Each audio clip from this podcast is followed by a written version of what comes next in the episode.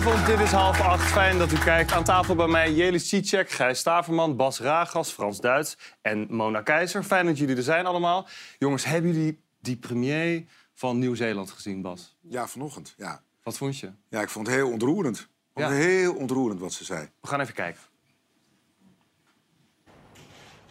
And so today I'm announcing that I will not be seeking re election. And that my term as Prime Minister will conclude no later than the 7th of February. I leave behind a belief that you can be kind but strong, empathetic but decisive, optimistic but focused. That you can be your own kind of leader, one that knows when it's time to go. Mooi, Frans? Ja, dat vind ik wel mooi. Ja, inderdaad. Je zo eerlijk en open, empathisch, Ik hou. Ik vond het echt, met name dit stukje, die, die tegenstellingen. Kind, but strong. Empath, empathetic, but decisive. Optimistic, but focused. En dat je op, ook op die manier een leider kunt zijn. En dat je dus een ander beeld neer kan zeggen dan de mannen in blauwe pakken. Ja, Jelis, zij is een van, de, een van de twee premiers die ooit met zwangerschapsverlof is geweest. Ja, Is het niet te combineren, denk je, premierschap en moederschap? Ik weet, dat kan zij volgens mij prima. Ja. nee, dat kan zij volgens mij prima. Nee, ik vind dat we echt een voorbeeld verloren zijn. Niet alleen in Nieuw-Zeeland, maar volgens mij de wereld. Want dit is echt, Ja? nieuw, dit is echt nieuw leiderschap. Waarom ben je zo van haar onder de indruk? Ja, ik vind dat zij gewoon op heel veel momenten heeft laten zien... wat dus ook Mona zegt en wat ze dus zelf uitspreekt. Dat je inderdaad dat heel daadkrachtig kan zijn... maar dat je heel empathisch kan zijn. Dat het niet elkaar hoeft uit te, sluiten, eh, Mhm. uit te sluiten als leider. En wij zijn een beetje gewend geraakt aan die, dat leiderschap... met bepaalde kwaliteiten, vaak mannelijke kwaliteiten... die dan, het moet hard en het moet daadkrachtig en... eh. En terwijl zij liet zien dat zij enorm goed beleid kan voeren... en een land kan leiden eh, door dat allemaal te doen. Wie is er in Rutte 4 eigenlijk empathisch? och hemel. Ja, dat is een Hier moet je niet te lang over nadenken, Mona. Allemaal. allemaal. Ja, dat Nee, is wel heel makkelijk. Een, een, een opmerking, want ehm, ik- ik vind... Ja, jij stapt heel makkelijk heen over de combinatie... van het hebben van kleine kinderen en dit soort banen. Maar het is niet niks, hè. 80 uur in de week met kleine kinderen... eh, gebroken nachten en, en noem het allemaal op. Dat Dus gaat dat, Wat, is dat ook de reden dat ze stopt? Ja, Ja, ze dat- zegt ze heeft er de kracht niet meer voor. dat weet je natuurlijk niet. Nou ja, dat, dat- Maar het is, het is wel zwaar. Dus ik vind ook wel dat, je, dat, dat ze dat zegt, vind ik eigenlijk ook wel heel mooi. Ja. Hey, we hebben nog een mooi beeld eh, van jou gevonden, Mona. Oh, Even nee. kijken. Och. Kom je?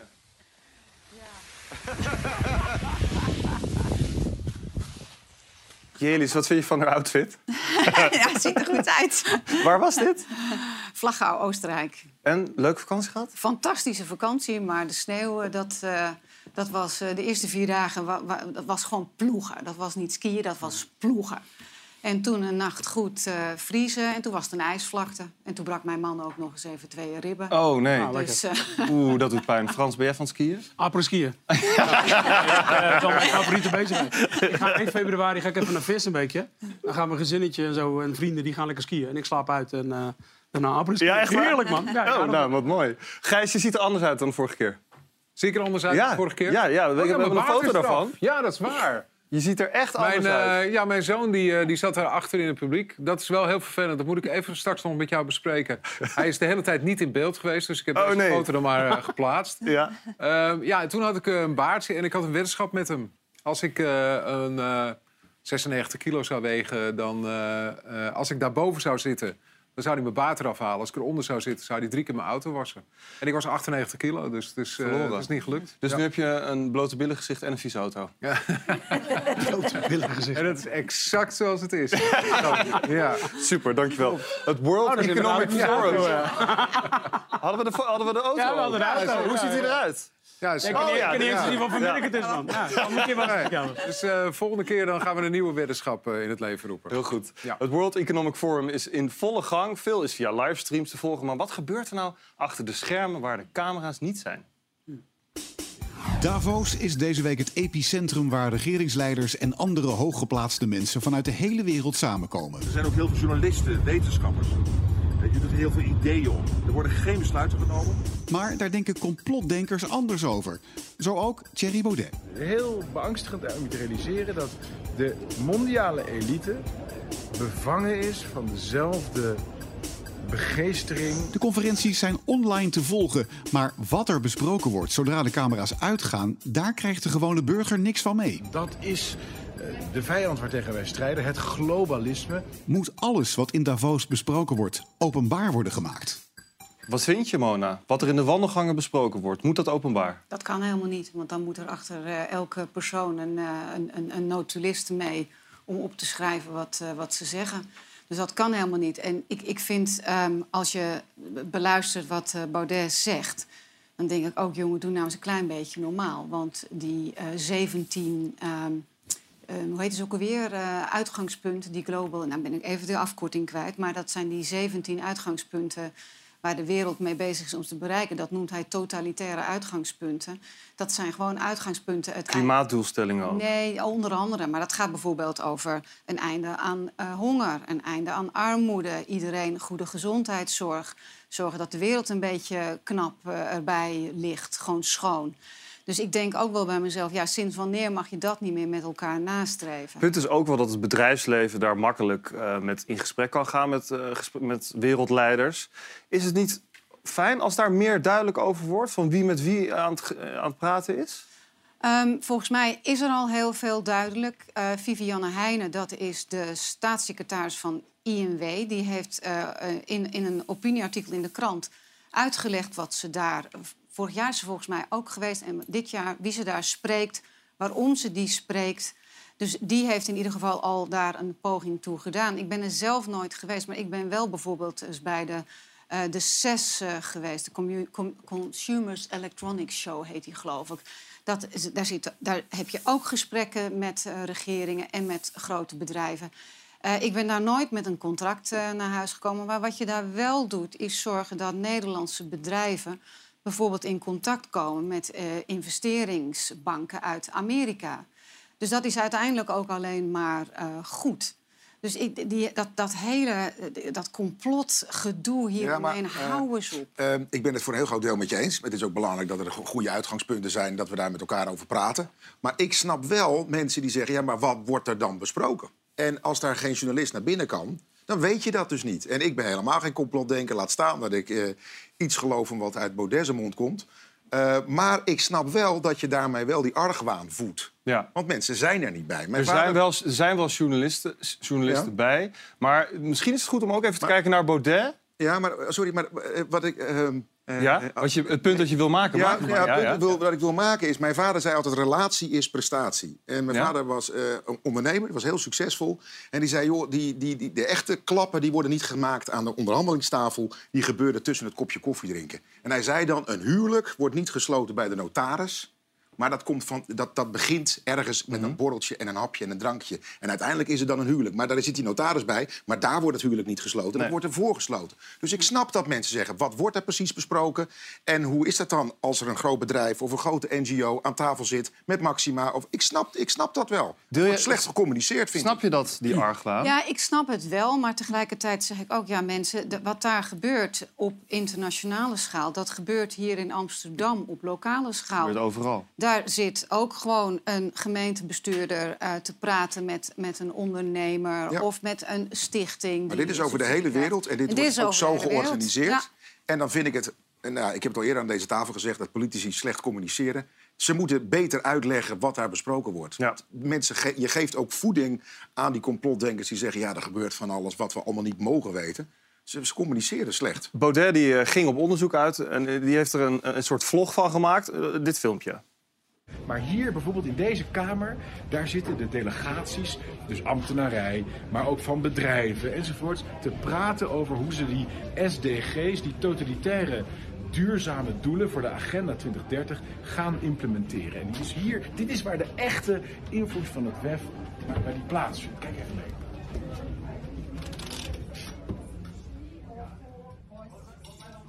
opvalt, zegt van dit, het allemaal achter gesloten deuren. Eh, maar je ziet, hij mag gewoon naar binnen lopen. Hij mag ook Ja, alles hij, heeft, filmen hij daar. heeft dus, hij heeft dus, eh, hij heeft dus eh, wat ik begrepen, want ik zag op Twitter zag ik, zag ik iemand die zegt, wat vreemd, want je moet 12.000 euro of zoiets betalen, 10.000 10.000 meer. moet je betalen om naar binnen te komen. Dus de leden van, van Forum, die dus tegen het WEF zijn... die betalen hem om naar binnen te gaan. En je moet ook gevaccineerd zijn om naar binnen te mogen. Wat ik wel grappig vind. Want hij is natuurlijk altijd enorm tegen vaccinatie. Maar je moet gevaccineerd zijn om daar naar binnen te komen. Frans, maak jij hier druk om? Eh, ja, wat, wat kan ik eraan veranderen, jongens? Weet je, je, je vraagt maar- echt aan een hele goeie wat dat betreft. Ik Ja. volg het niet zo.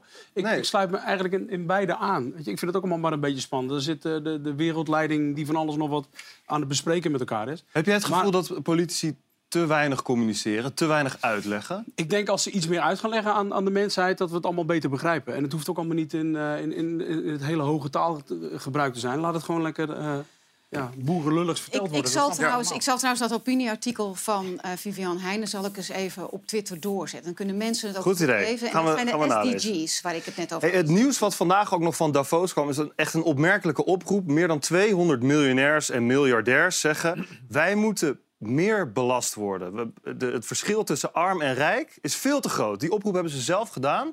Laten we even kijken naar Rutger Bregman... vier jaar geleden daar op het World Economic Forum. This is my first time at Davos, and uh, and I find it quite a bewildering experience, to be honest. I mean, 1,500 private jets have flown in here to hear Sir David Attenborough speak about, you know, how we're wrecking the planet.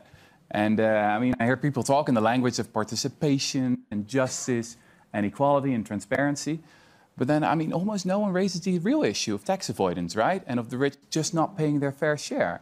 Nou, daar komt vandaag dus verandering in, Gijs. Wat vind Ja. je van die oproep van rijken die zeggen... Ja, ik belast ons maar meer? Ja, ik, dat vind ik een beetje ingewikkeld. Ja?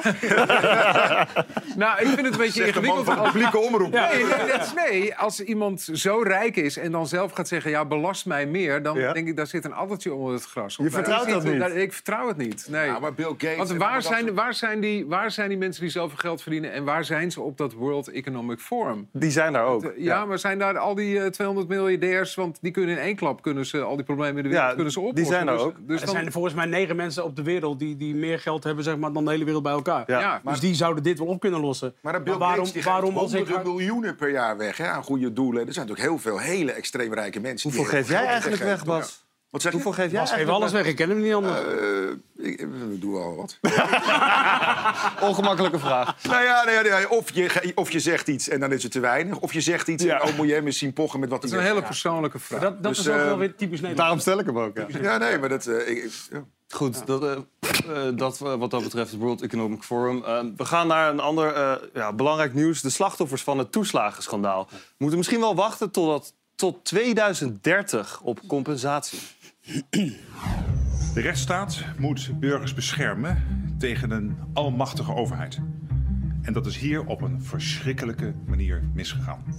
Op 15 januari 2021 valt het kabinet Rutte 3 over de toeslagenaffaire. Het neemt sadistische vormen aan. Het is niet leuk meer. De gedupeerde ouders zouden zo snel mogelijk gecompenseerd worden. Maar de praktijk is anders. Er is veel gedaan, dat hebben een aantal van u ook gezegd. Maar eh, ik wil ook niet onder stoel of banken steken dat er nog heel veel moet gebeuren. Eind 2022 zijn heel veel slachtoffers nog steeds niet geholpen. De compensatie die wordt beloofd kan zelfs nog jaren op zich laten wachten. Je werkt keihard om het voor elkaar te krijgen, om dingen af te betalen. En wat krijg je stank voor dank? Vandaag werd bekend dat het tot 2030 gaat duren voordat alle ouders gecompenseerd zijn. Moet deze hersteloperatie bij de Belastingdienst worden weggehaald? Ja, moet die weggehaald worden bij de Belastingdienst? Christy Rongen, daar gaan we het zo met je over hebben. Jij bent een van die toeslagenouders, maar eerst Mona.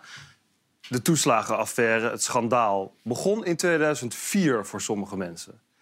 Dan kan het nu pas in 2030 opgelost worden. Dat is 26 jaar. 20 jaar bijna. Dat is, Ja, dat is toch niet meer uit te leggen? Het is vreselijk. Het is echt vreselijk. Maar ik ben ook bang dat dit ook echt gewoon zo lang gaat duren. En dat is vreselijk voor eh, de toeslagenouders zelf. Maar het is ook gewoon heel erg slecht voor het vertrouwen in de overheid. Hoe kan het dat het zo ongelooflijk lang duurt? Nou, het- het heeft, eh, gisteravond is daar volgens mij nog een, een uitzending over geweest bij, bij Nieuwsuur, meen ik, waar dat ja. ook uitgelegd is. En waar dat door komt, is wij, wij wonen in een rechtsstaat. Dus een overheid die een besluit neemt, mag je bezwaar tegenaan indienen en ook in beroep.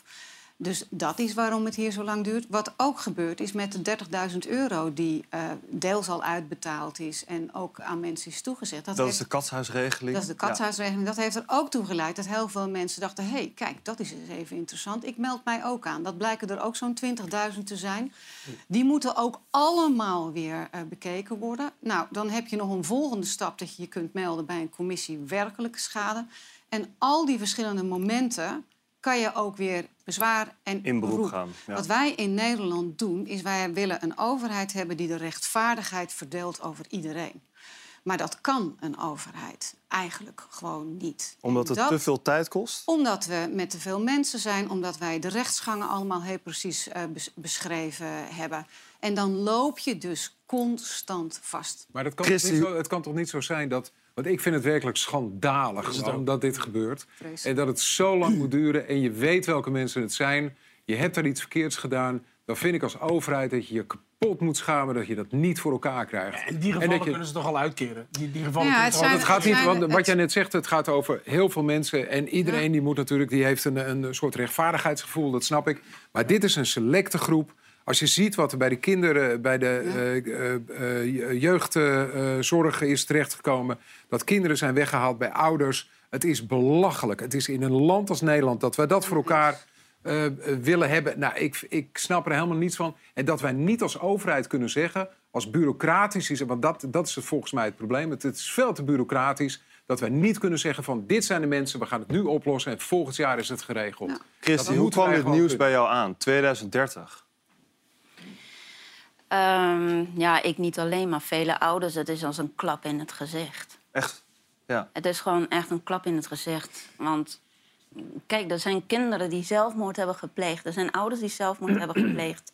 Die verhalen ken jij ook uit je, uit je omgeving. Ja, ja. En ik ben bang dat dit zo hard aankomt bij ouders die nog steeds diep in de lende zitten, dat er nog meer zelfmoorden zullen komen. Dat is bizar eigenlijk, als je daarover nadenkt. Ja. Waar zie jij een oplossing? Hm. Als we het hebben over de vraag die net gesteld wordt... moet het niet door een andere organisatie dan de Belastingdienst gedaan? Nou Heb ja, jij überhaupt nog vertrouwen in de Belastingdienst? Nou, ik heb totaal geen belas- of, eh, vertrouwen in de Belastingdienst. Eh, kijk, zij zijn de daders. En ehm, de overheid moet eruit. Hoeveel, hoe ver ben jij nu geholpen? Nou ja, kijk, ik heb mijn eigen geld heb ik teruggekregen. En ja, ik wacht nu nog op de commissie werkelijke schade. Maar er zijn nou iets van 1100 ouders geholpen of zo. Ik... Ja, die dan 50.000. helemaal geholpen zijn met die integrale beoordeling nog. Eh, maar het zijn met die eer, de eerste stappen, het zijn, een derde is nu geholpen. Dus 20.000 eh, ouders. Ja, maar dat is dan waarschijnlijk alleen met integraal. Maar het gaat gewoon extreem langzaam bij commissie werkelijke schade. En daar zijn ze ook niet onafhankelijk. Want ze brengen die- advies naar eh, het UAT. uitvoering herstel toeslagen. En zij voeren dan uiteindelijk uit waar ze nu eigenlijk ook mee bezig zijn met het onderzoek. Is het een idee om het weg te halen bij de Belastingdienst, Mona? Nou, volgens mij eh, de- eh, vertraag je dan weer met twee jaar. Want er moet er een organisatie opgezet worden. Er moeten al die dossiers weer over, wat trouwens al misgegaan is. Ja. Want eh, de Belastingdienst doet daar veel te... lakt veel te veel zwart, maakt veel te veel dingen eh, vertrouwelijk. Nou ja, dan krijg je die discussie weer. Dus ik snap het eh, gevoel compleet. Maar ja, dan echt waar, dan plak er dan nog maar twee jaar aan, op zijn minst.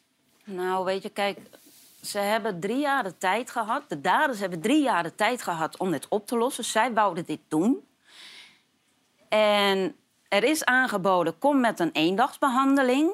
Eh, doe het onafhankelijk. Maar zij zeggen, nee, dat gaat alleen nog maar meer vertragen. En wat gebeurt er nu? 2030. En het blijft niet bij 2030. Het gaat veel langer duren. Dit is gewoon politieke onwil. Ben je het daarmee eens, Mona? Jij zat Ja. in het kabinet dat aftrad Ja, ik zat in vanwege het kabinet de toeslagenaffaire. Dat, dat aftrap vanwege de toeslagenaffaire. Dus daar kan ik niet over praten. Dat mag ik gewoon niet. Maar is het politieke onwil dat het zo lang nee, duurt? Nee, Nou, dat, zeker wel. Nee, dat, dat, nee want als jij, zegt zeker wel. Ja, dat, hoor, dat snap ik. Dat snap ik heel erg goed. Maar het is niet zo dat daar mensen zitten die 's ochtends opstaan en denken van eens kijken wat voor grotere puinhoop ik er nog van kan gaan maken. Maar met de keuzes die gemaakt zijn, en er is uitgebreid over gedebatteerd, eh, Renske Leijten en Pieter Omtzigt hebben daar ook heel veel over gezegd.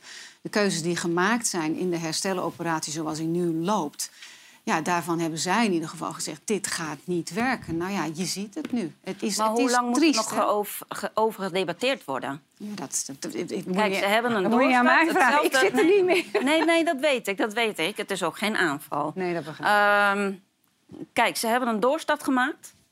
Hetzelfde kabinet zit er. Er zijn beloftes gemaakt. Nieuwe bestuurscultuur. En wat is er van terechtgekomen? Rutte zie je niet als hij opgeroepen wordt tijdens een debat. Hij wil niet. Kaag idem dito. Ja, ik, weet je, in die zin is het wel echt wel heel zorgelijk hoor, wat, wat, wat, wat, je ziet. Want je ziet dezelfde eh, discussies bij de toeslagenouders. Laten we Groningen niet vergeten. De boeren ehm, ehm, de- de- en nu de vissers trouwens. de- is hetzelfde gaande. Het vertrouwen is nul. Het vertrouwen is gewoon in die groepen aan het verdwijnen. En je ziet dan ook dat andere burgers denken van... ja, maar wacht nou eens even, wat betekent dit eigenlijk voor mij? En daarom is het zo ongelooflijk belangrijk dat er echt aan gewerkt gaat worden om dit op te lossen. Maar het is tegelijkertijd ingewikkeld. Want precies wat jij zegt, Gijs, ik heb ook wel eens gedacht... waarom ga je niet in een kamer zitten, eh, een jurist, een accountant... met een advocaat en de ouder... Trek die dossiers open en los het op. Maar ja, wij dan doe je er een paar per dag en dan, en dan een beetje tempo maken. En waarom gebeurt dat niet? Ja, geen idee. Maar wij zitten hier aan tafel, wij bespreken het weer. En het wordt dus niet uitgelegd. Nee. En dat is, de- eh, eh, die politiek die legt dingen heel slecht uit. Dus als, als je nou namelijk wel Rutte eh, in, in een gesprek hoort uitleggen wat er aan de hand is... dat hij tegen jou uitlegt en dat heel Nederland kan laten zien wat er aan de hand is. Want jij denkt, ja, ze willen het helemaal niet. En ik snap dat heel goed. Het kabinet bijna- is me- afgetreden en ze zitten er nog steeds. Ik kan me bijna niet dus ik snap het ook heel dat, goed. dat met een selecte groep, want daar gaat het over... het zijn geen 17 miljoen mensen die last hebben van deze toeslagenaffaire... maar een selecte groep, dat dat niet binnen afzienbare tijd... Ze krijgen elf dossiers per week afgerond. Elf, elf per week. Dus Dat zijn tienduizenden mensen. Christy, met wat voor gevoel kijk je nu naar de toekomst? Ehm, ja, ik ben bang dat dit niet eh, opgelost gaat worden. Nee? Dat we net zo lang gaan procederen tot aan het Europese Hof. Nou, laten we Helaas. hopen dat het wel gaat gebeuren. Ja, want de, Dank je wel. rechts- de rechtsstaat is van verre heel mooi. Maar als die dichterbij komt, is die verre van mooi. Mooi gezegd. Dankjewel voor je komst, Christy Ronge. Jelis, je bent hoofdredacteur van de Vogue. Ja. Eh, Je gaat mij nu uitleggen waarom de cover van een blad zo ontzettend belangrijk is. Ik heb er hier eh, twee meegenomen. Mhm. Van de Linda en de Vogue van jouw blad. Mm. Hoe belangrijk is het, die cover? Ja, dat is super belangrijk. Dat Ja? is het eerste wat je ziet. Dat is wat in de schap ligt. Weet je, waar mensen langslopen. En nu natuurlijk tegenwoordig ook is het eerste wat je lanceert op digitale kanalen. Dat is gewoon je cover. Dus het is super belangrijk hoe die cover eruit ziet. Het moet, moet aanspreken, het moet je pakken, het moet je grijpen. Het, is, eh, Dit is dan de Linda. Die vind ik een beetje saai van deze week. Een broek, een riem. ja. Gijs? ja, hij is wel ook een Ja, ik zie het ook. Een broek. Een riem. Eh. Goed Eh, gezien, goed gezien. maar ik, Allemaal, ik, ik, fijn. vroeg me af, waar- dus waarom staat Linda er zelf niet op? Want staat ze nou de ene keer er wel op, de andere keer er niet op? Klopt. Ja. Oké, dat, dat is een nieuw beleid. Van Ja, maar ik zag ook allemaal berichten dat mensen er dachten van... Oh, ze staat er ineens niet meer op. Maar ze staat er wel vaker niet op. Hoor. Want ze staat bijvoorbeeld ook niet op het zomernummer. Daar staan Maar wie zegt dat dit niet het broekje is van Linda? Ja, Ja, wie weet. Nee. Ja, en, Of is dit jouw broekje, Bas? doet ze de Nee, riem, dat is niet mijn broekje. Zo slank ben ik niet. en, en, en doet ze de, wordt de riem aangetrokken om aan te Nou, trekken of om uit te trekken? Dat Nee, is, veel doen er weinig. Ah, ja. Oeh, dus de broekriem moet aan. Dat Eigenlijk is dat het dus wel een eh, goede de cover, want iedereen heeft daar een ander idee Ja, over. ja, Dus precies. Dus hij valt wel weer op. Ja. Ja. Maar de kreet, de kreet is lekker. Veel doen, weinig poen, toch? Ja. Dat, dat triggert. Wat maakt een cover goed? Nou ja, er zijn verschillende dingen. Ik denk dat het al, in het algemeen kun je zeggen, het moet gewoon opvallen. Weet je? Ja? Dus dan kan je wel weer zeggen, deze valt dus op. Want hij is anders dan anders. Maar het, is, het kan verschillende dingen zijn. Het kan in, fotografie, het kan in kleur, en het kan in typografie. Eh, maar het moet gewoon echt, het moet je aanspreken en het moet stopkracht hebben. Zo noem je dat. maar Dus als wat, je in, wat zou ik nou moeten doen Ja. zeg maar, om op de cover te komen? Ja, hoe krijgen we Frans op de Nou, kop? Wat moet ik daar nou eens voor doen? Nou, Dit dit is. Heel lang Gewoon, hoop. eh, dit, gaat toch wel? Zo'n hele is misschien ook wel beter voor Nou beeld. Ja, Wat is jouw blad? Begin met een lied schrijven over mij. Oh, zo werkt Ik het. pak, eh, ik pak jouw 06-nummer en eh, je hebt het vanavond in je bak, hoor. Ja, hoor. Hey Bas, wij hebben ook nog een koffer van jou gevonden, Bas. Wat zeg je? We hebben nog een koffer van je gevonden. Oh, een tijdje geleden. Nog weer koffers, hoor.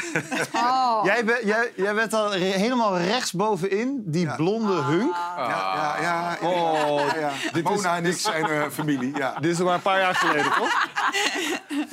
Ja. Wat was? Hoe, Dit is jaren? 90. eh, dit is Court Direct, waar, eh, waar ik in de jaren 90 eh, dus de hele wereld rond ben geweest. En, en dit is de Bravo. En de Bravo die verkocht ruim een miljoen eh, tijdschriften. Zo de hitkrant van, van, van Duitsland. Ja. En wij stonden bijna wekelijks die in de jaren 90 op de, bra- op de, de cover van de Bravo. En, de, de- en dit is... eh, dit is denk ik, ja, ik weet niet zeker, maar wij stonden op de Bravo. Op een gegeven moment, dit is de best verkochte Bravo ooit. Ja? Dus toen kregen we ook een hele award en dingen. En Omdat jij erop stond? Zeker, ja. Ah, ja, ja. Ja, het is lang geleden, wat ik al zei. Het is lang geleden. Dat gaat niet meer gebeuren. Maar die, wat ik zo interessant vind, is dat, dat die markt... Ik heb vier, eh, eh, inmiddels eh, eentje wat ouder... maar ik heb ook drie jonge meiden thuis. Ja, die kopen geen tijdschriften meer. Hè. Die, die zitten op TikTok, die zitten op Instagram. En ik, eh, ik vertelde dat we vanavond ook hierover gingen praten. En, en dan moeten die meiden, die heel modebewust zijn... en met kleding en dingen... Ja, die moeten een beetje, een beetje schamperig lachen. Van, Maak je daar zorgen om, Jelly? Tijdschriften? Dat het niet meer niet Nee, vo- vooral voor Vogue maken we daar niet zo zorgen Nee. om. Want dat is gewoon echt een instituut dat bestaat al 100 jaar, meer dan 100 jaar. Weet je, dat koop je ook, ook om, omdat dat, zo maken we hem ook. Echt om op tafel te leggen. Het is ook een soort koffietafelboek. Oh ja. Je hebt nog wat mooie internationale voorbeelden meegenomen. Oh, ja. Welke had je in Eh, gedachten? ja, nou ja, we, we, we hadden het er even over. En toen, de, de, de, de- inderdaad, deze. Van eh, Trump. Van Trump, inderdaad. Eh, Jaap Biemans maakt eh, Cover Junkie. Ik weet niet of iedereen kent, maar hij, eh, voor de Volkskrant Magazine is hij ook art director. Hij had een aantal geselecteerd. Want deze had ik ook al in mijn nou ja, Instagram-mapje opgeslagen. Want deze die is natuurlijk echt, die spreekt mij heel erg aan. En kijk hoe Waarom? simpel. Maar ja, als dit in het schap ligt, dan ga je gelijk naar kijken. Het, zijn, het is zo, zo simpel, het is, een kleur, het is de kleur. Maar de boodschap is natuurlijk ook nog eens steengoed. Hè. Het is heel sterk, het is een statement.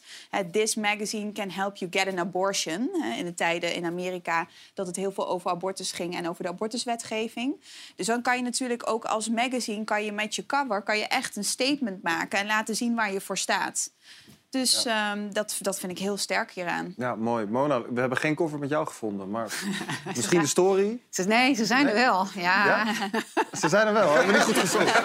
Je wordt heel geheimzinnig hier gelachen. Die Playboy hebben wij We hebben gekregen. ongeveer- moeten wij denken, maar jij zegt het gewoon. Ja, ja, ja, ik zeg het maak gewoon. Binnen nu een half uur wordt die koffer... Gelukkig kom, je hier, gelukkig kom je hier vaker, Mona. De volgende keer laten we hem zien. Nou, Eh, Ik zal eens kijken hoe ik kan vinden. Ja, muziek in het ziekenhuis. Niet alleen in de lift of in de ontvangsthaal, maar ook in de operatiekamer. Daar gaan we het over hebben.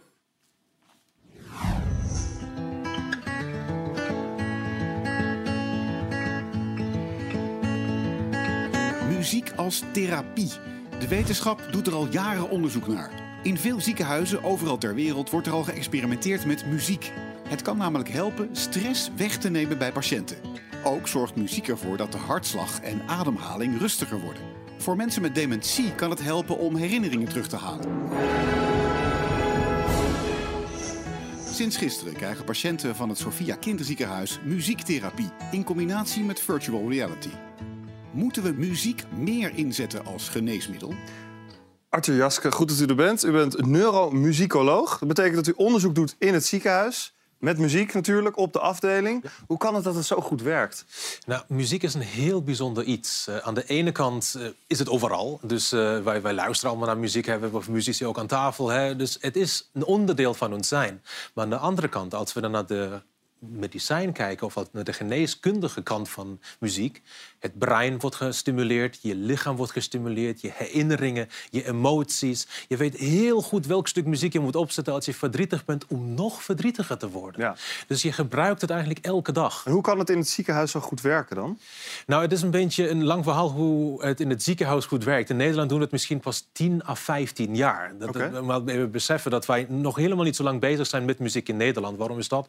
Evidence-based. Dat is dan iets, het is niet bewezen binnen de wetenschap, dus laten we het eventjes Maar steeds meer verhalen komen naar voren, ook vanuit Amerika, vanuit Canada, vanuit Europa en andere Europese landen dan ook, waar we zien dat wij muziek kunnen toepassen bij verschillende aandoeningen. Of je nu in een couveuse ligt, of een ouder bent met dementie, Parkinson's hebt, autisme, ADHD, gebruik je dus muziek als taal, als emotietaal, als iets om herinneringen op te roepen. Maar ook de kleine stofjes, hè, bijvoorbeeld dopamine, je blijdschapshormoon wordt geactiveerd, je hele brein wordt geactiveerd door al die verschillende netwerken. Dus het is alleen maar eh, een, toegevoegde waarde van wat muziek eigenlijk daadwerkelijk kan doen voor je gezondheid. Ja, we zagen al even die topballerina eh, die dement was. Laten we nog even naar haar kijken.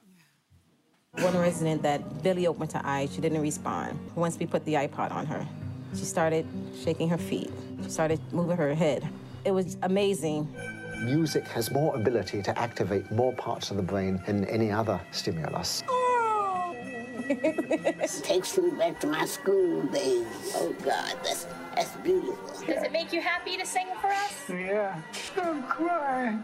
Het is zo'n mooie documentaire. Dit was niet die topballerina, maar hier Nee, wilde jij het eh, graag dit over dit is- hebben. Nou ja, dit, het, toevallig vanmiddag werd er, eh, werd ernaar gevraagd. En dit is een van mijn favoriete documentaires. Mijn moeder is overleden aan Alzheimer. En eh, twee maanden later toen kwam deze documentaire uit, Alive Inside. En dat gaat eigenlijk over het feit dat je mensen toch weer een klein beetje kunt terughalen door middel van muziek. Mensen die Alzheimer hebben, mensen die dement zijn. En dat heeft deze man, eh, deze Dan, eh, die heeft dat eh, ontdekt. Hij is psycholoog, hij heeft mensen een koptelefoon opgezet. En hij ging terug naar de periode dat zij 18, 19, 20 was. Een belangrijke periode om, voor mensen om muziek op te slaan. En wat blijkt, er was een oudere vrouw en die zei ja... de, de vraag was eigenlijk, eh, hoe was het dat u van meisje overging naar vrouw? En die zegt, ja, die vrouw, die- dat, dat is al zo lang geleden, dat weet ik niet meer. En toen kreeg zij What a Wonderful World op haar hoofd van eh, Louis Armstrong.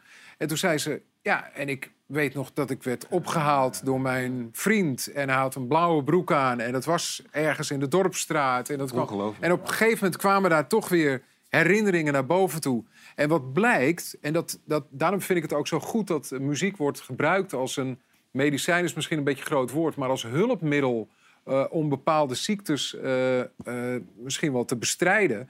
Ehm, muziek slaat zich op in diverse compartimenten in je hoofd. Je hebt de tekst, je hebt de melodie, je hebt de zanger, je hebt de, de groep, je hebt, je hebt allerlei verschillende momenten.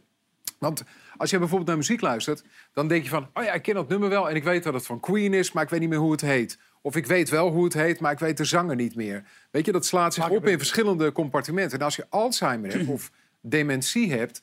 dan is muziek een van de laatste dingen die verdwijnt. Dus dat kun je nog heel lang bijhouden. Dus ik zou het ook fantastisch vinden als mensen nadenken over... misschien wel een lijstje met muziek. Stel dat ze dat niet meer kunnen vertellen... dat in ieder geval de nabestaande nog zo'n lijstje heeft. Laten we toch nog even kijken naar die topballerina. Ja.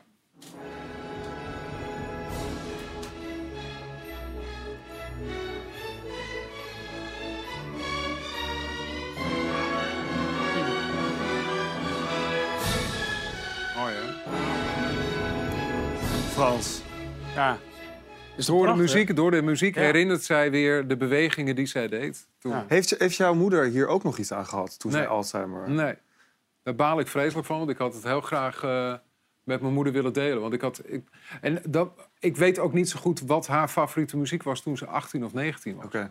En dat vind ik ook heel lastig. Ja, daarom zeg je ook, hou een lijstje bij. Ja, dus dan misschien moet je een lijstje voor je testament maken... dat dat, eh, dat, dat meegenomen wordt bij je Ja, dat wordt vaak wel gedaan bij, bij het afscheid. Hè? Dat mensen zeggen, van, nou, dit liedje wil ik horen of dat moet gedraaid Ja. worden. Ja. Maar niet van, joh, op het moment dat ik eh, dementie... eh, Ik zou het, ik zou het heel mooi vinden dat een mensen ook op zoek gaan bij hun ouders of bij wat oudere mensen die, wa- waar ze de vraag aan stellen van ja, maar wat was jouw nummer toen je 18 of 19 was? Frans, zie jij dat ook als je optreedt? Dat het mensen verandert? Muziek is emotie. Ja. En, en eh, ik krijg ook van heel veel mensen te horen... dankjewel voor je muziek. Want ik heb er wat aan gehad bij het verliezen van iemand. Of ik heb er wat aan gehad toen ik vast vrolijk was. Of, of, of juist minder vrolijk. Ja, je hebt ook wel eens wel. in verzorgingstehuizen gezongen, toch? Ja, heb ik ook wel eens Wat gedaan. gebeurt er dan? Ja, dan gaan die mensen... Wat je net eigenlijk ziet, mensen gaan open. Mensen worden, worden vrolijk. Mensen worden ja, geraakt, zeg maar. En dat raakt mij dan weer. En dat zijn ook weer momenten, we hebben het er nu over... en op dat moment ben ik eigenlijk weer even in dat... bijvoorbeeld een verzorgingstehuis. Ja. Arthur, d- dat beeld van die topballerina, wat gebeurt er met die vrouw? Nou, wat er gebeurt is, de muziek komt binnen. Dus inderdaad, in die verschillende compartimenten. Dat gigantische netwerk van het brein wordt aangesproken. En zodra dat doorgaat, wordt ook het spiergeheugen geactiveerd.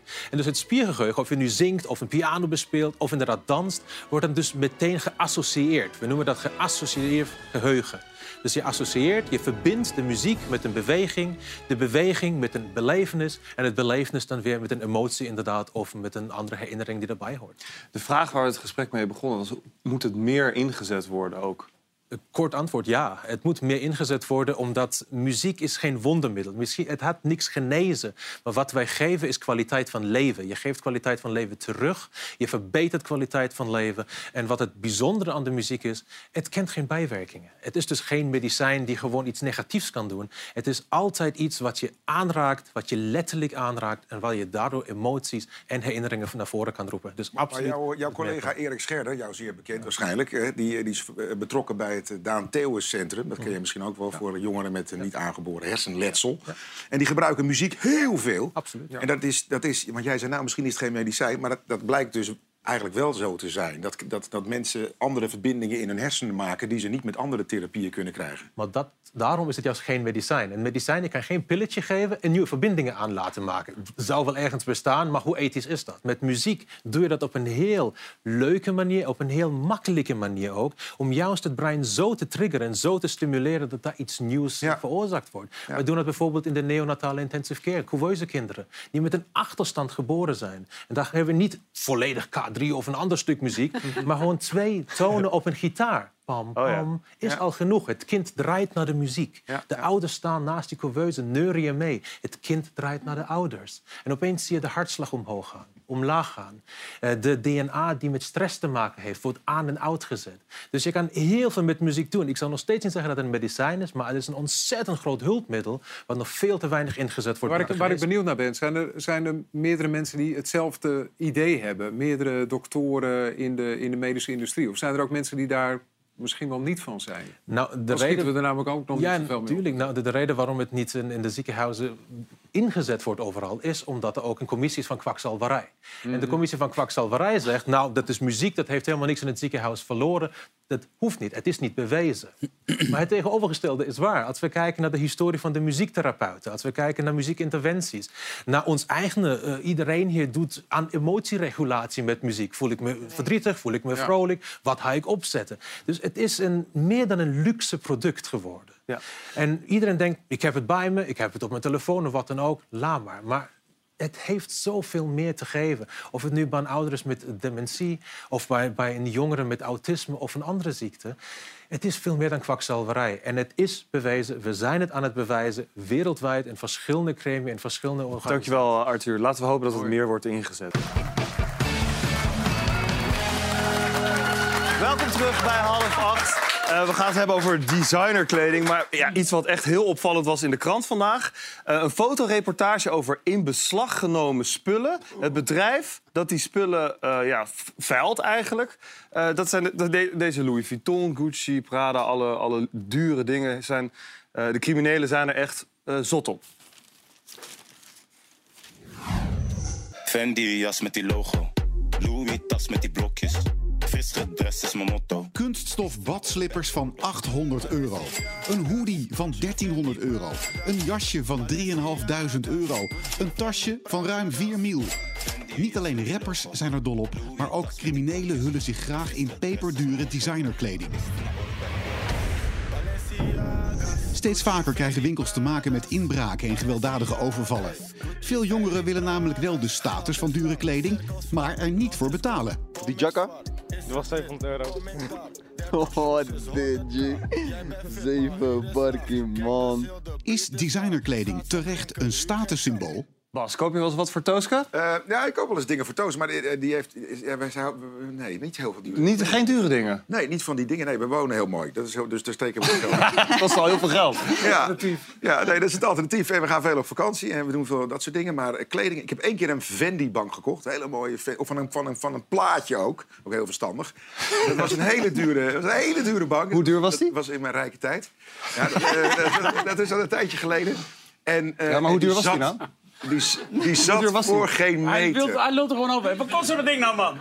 Nou, als jij, het vraagt, als jij het vraagt, Ja, zeg het eens. Ik vraag het heel lief. 8000 euro.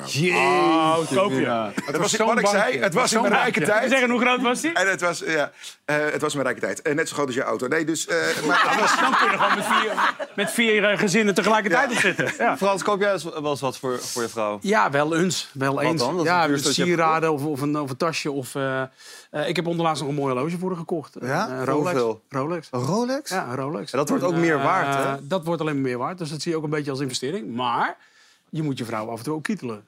Met een Rolex. ik heb al, ik zeg niet, maar morgen ik zit er weer. Frans, koop Rolexen. Nee, een beetje raar, hè, die opmerking. dat Dat past naast jouw bankstel. Dat is wel een beetje vergelijkbaar. Frans kietelt zijn vrouw met een Rolex. Ja, krijg je dat? Dat wordt dan op. Ja, ik vind het een hele goede... Zie je, ik heb de koffer al te pakken. Hoppakee. Komt ie aan, hoor die folk. Heerlijk. Ja, Ja. Jelis, hoe komt het dat het zo populair is bij criminelen? Ja, de- eh, hetzelfde geldt eigenlijk voor bijvoorbeeld eh, Louis Vuitton-tassen, Chanel-tassen, Dior-tassen. Dat zijn, die zijn heel veel waard en die worden ook steeds meer waard. Hè. De prijs gaat elk jaar omhoog. Dus Het ik... is toch gruwelijk lelijk. Dat Nee, wou ik ook zeggen. ja. Het is toch zo- zo ik lelijk? het zo niet Omdat er zoveel mooi. neppers van zijn, dat vind ik het. Ja, dat dus- is het. Maar als je vind je dit ook niet goed mooi, maar ook stelt... omdat je denkt het is een neppert. Maar het is pak- goed het saai. Ja, nou, als je een heel mooi zwart pak aan hebt. Of, eh, nee, Als man zijn is het dit toch geen gezicht? Nee, Nee, maar dit is ook echt... Nee, nee. wel. Nee, nee, nee. Maar ik hou niet van Louis- styling hebben voor de cover, eh, Frans.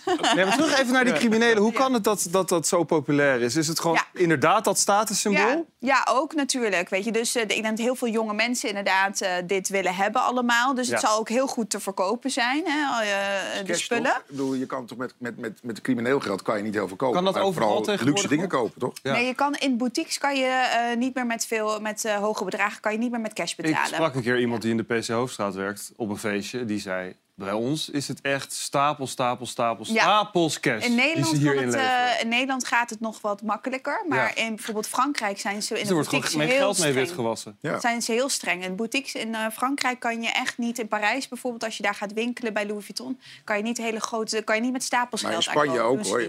Wat, wat vinden die merken daarvan dat het zo populair is onder criminelen?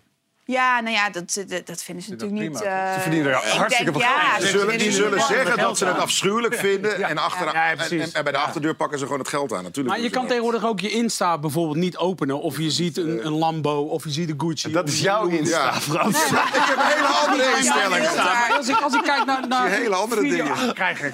Maar als je nou de videoclips bekijkt en dat soort dingen... je ziet toch alleen maar de dure dingen. Het is nog niet meer van, joh, we zitten er achter op een bankje... en dat is dan mijn videoclippie. maar Het moet wel ik, dit soort dingen helemaal niks van. Want die, net de Balenciaga heet dat volgens mij op zijn Nederlands. Ziet er toch niet uit? Nee. Ben ik nou mal? Moet je Deze kijken. schoen. Ja. Dit is voor niks, Ja. doen niet. Dat is verschrikkelijk. Dit is gewoon zo'n Ja. schoen die je aandoet als je gaat snorkelen. Ja, Als je het lekker als je in de zee gaat zitten, dan Ja. uh, dat is goed voor de regels. Ik eh, gaat, de merken waar, eh, waar het zo over gesproken wordt, dat ze dat niet zo leuk vinden. Nee, eh, ik weet niet of ze wat ze Nee. Maar ik, weet- ik, ben, eh, met mijn, ik ben met mijn vriendin eh, twee maanden geleden in Milaan geweest. Als, Oh. als mensen daar lopen met een, eh, met een Louis Vuitton-tas of met deze schoenen... dan ziet het er toch anders uit dan Oh. dat dat hier in, in Nederland gebeurt. Ja, een beter Ja. je dan. Eh, die- Jij had ook dit soort schoenen aan. Nee, nee, nee, nee, dit soort schoenen, dit is, eh, dit is niks voor mij. Maar, eh, Maar wat had je ik dan denk- wel aan? ik denk- dan ook een beetje met Nee, een nee, nee, ik denk dat en het een ook te maken heeft met de sfeer en de ambiance. En hoe mensen dat, ge- wat jij zegt over styling en hoe mensen dat Ja, gebruiken want in hun... in hun... Deze schoenen heb ik wel eens gezien bij eh, inderdaad een eh, Italiaanse modemensen. En dan bijvoorbeeld onder een heel mooi strak zwart pak. En hoe duur is Een die? goed gesneden pak, misschien met iets wijder pijp. Ja, ik denk dat die, denk dat die 800, 900 is. Oh, Ja. 800 Ja. euro voor een Ik schoen. denk dat Dat is 4 euro, 400 euro per stappen. Nou, dat is niks. Maar omdat jij zo eh, eh, eh, nou ja, wervend bent over dit krijg jij korting als je morgen belt. ja, maar ik hoef ze niet te hebben. Nee, dat dacht ik al. En ik heb met, met ik, kijk, ik hou ontzettend van, van kleding en mode en schoenen. Ik heb dan geen tassen afwijken, zoals dat heet, maar ik ben meer van de schoenen. Maar weet je, ik, ik, ik ben typisch Nederlands. Ik koop dan liever dat wist ik. drie, drie... Ja, dat wist Ja. je eigenlijk wel, hè? Het is Ja. geen nieuws. Ik koop liever drie paar schoenen dan één van dit. Ja, sorry. Ja, Ja, en ik wel- denk altijd... Oh, sorry. Ja, het is wel beter om in tassen te investeren. Want schoenen natuurlijk, hè, die draag je, dat, dat, dat Ja. slijt Ja, maar Als je dat nog kan. Tassen, wordt echt eh, Gewoon nu veel meer genieten van een paar mooie schoenen vind ik veel mooier dan een tas in de kast zetten, omdat die over een paar jaar 10.000 Maar ik denk, euro ik denk ook dat als je nou zo'n heel duur merk koopt... Ik zeg tegen mijn, mijn meisjes, mijn dochters en mijn zoon ook... die willen kleding met merkjes en zo. Ik zeg, nou, Ja. waarom wil je godsnaam het naam hebben van iemand anders op je borst? Je hebt toch een eigen naam? Ik zeg, en als jij iets koopt wat 200 euro kost... wat eigenlijk 10 euro kost om te maken... dan zit er een of andere vetklep op een hele grote boot in de Middellandse Zee... enorm zich helemaal rot te lachen dat jullie dat allemaal betalen voor dat merk. Maar daar zijn ze toch helemaal niet mee bezig? Wie niet? Jouw, jouw, jouw kinderen? Nou, als ik mijn zoon dat zo vertel, dan, dan, dan, Ja? dan denkt hij... Oh, hmm. Dan lijkt hij op zijn Oké. vader. Hey Frans, eh André Haas. André Haas is bezig met een comeback. Ja. Jij hebt hem onlangs gesproken. Ja, Hoe ik gaat het met hem, hem? eh, Ik kwam een paar weken geleden kwam ik hem tegen in het restaurant. En eh, eh, ik zat daar in een interview en hij, eh, hij kwam ook binnenlopen. Dus even een knuffeltje, hey maat, hoe is het? Eh, hij is inderdaad bezig met een comeback. Hij gaat eh, een andere type muziek maken. Waar hij zichzelf helemaal... eh, Heb je je telefoon bij de hand? Ja, heb ik bij de hand. Want jij hebt- Maar die staat uit. Nee, maar jij hebt namelijk... Je, hebt, je kan wel wat laten horen, toch? Nee, ik kan helemaal niks laten horen. Nee? Maar hij, het, het gaat een andere hazes zijn als dat we gewend zijn. En wat ik heel erg Ja? stoer vind, wil ik gezegd hebben... Hij zegt van, joh, ik heb al die jaren in de voetsporen van mijn vader moeten treden. Daar wil ik echt uit. Ik wil gewoon mijn eigen muziek maken, mijn eigen dingetje doen. Wordt dat niet geaccepteerd in Nederland, dan stop ik ermee en dan ga ik iets anders doen. Maar wat voor dat soort dat muziek vind ik dan? stoer. Maar wat voor soort Ja, totaal anders dan wat we gewend zijn. Gaat het dan richting Antoon? Ik heb geen idee. Ik heb hier verstand van, Gijs, hoor je dat? Ja, ik hoor het. eh, ja, want Kijk ik jij ben- daarnaar Ik ben uit? ook wel benieuwd. Ja, want ik heb vanmiddag even met de platenmaatschappij gebeld. en, Ja, we eh, hebben ik heb, ik heb, ja, nou ja, het, eh, ja, met Tony heb ik even gebeld. En eh, hij zei van nou, ja, het is wat lastig om eh, wat voorbeelden te sturen omdat ze zijn er zelf nog niet helemaal uit. En ze willen nog wat schaven. En eh, hier en daar willen ze nog wat eh, dingetjes doen. Eh, maar ik, hij zei ook, hij is heel erg blij met de weg die hij is ingeslagen. En wat hij aan het doen is. Weet jij wat het wordt? Nee, ik weet het dus niet. ik Oh, weet het, ik weet het serieus niet. En ik ben dus heel benieuwd. Ja, het kan richting Antoon, het kan eh Chris Kors Amsterdam dat die vibe hebben. Digidex, die zal... Zou maar zo eens nou ja, dat is zo, dat weet ik. Maar, dus die zijn ermee bezig. Maar ja, wat nou precies de sound wordt, ja, dat, dat, het gaat natuurlijk om het nummer. Dat is het Gaat- belangrijkste. Gaat binnenkort ja. komt het naar buiten, dus dan weten we het allemaal. Ja, wanneer? Maar, maar Dre, weet ik niet. Maar Dre moet dat zelf maar eh, gaan vertellen. Kijk jij ernaar uit, Gijs? Nou, hij zit vanavond eh, in een andere talkshow, dus zal hij daar ongetwijfeld zal hij daar, eh, over praten. Oh, maar dan gaat hij het zo meteen ook al laten horen. Ja, dus maar dan dat- kan jij net toch zo iets goed ook nu je Dat is- telefoon erbij is toch pakken. ook, Dat is toch ook niet aan mij? Als ik jou dingen vraag, krijg ik ook geen antwoord van je. Maar Dus- wat, ik alleen even wil weten, want hij zegt... Ja, hij, ja, wel, hij, jij weet het weer niet. Hij weet gaat, het. Hij gaat Sorry. uit de schaduw van zijn vader. Eh, Wat is ongeveer de richting dan? Want het blijft Nederlandstalig, denk ik. Maar dat, we hebben het al een paar keer geprobeerd en hij gaat er niet meer over Ik ga er echt niks over Frans, wij zeggen, hebben nog een filmpje van jou gevonden in de Oh. sneeuw vanochtend. Echt waar? Oh, ook leuk. Waarom ik?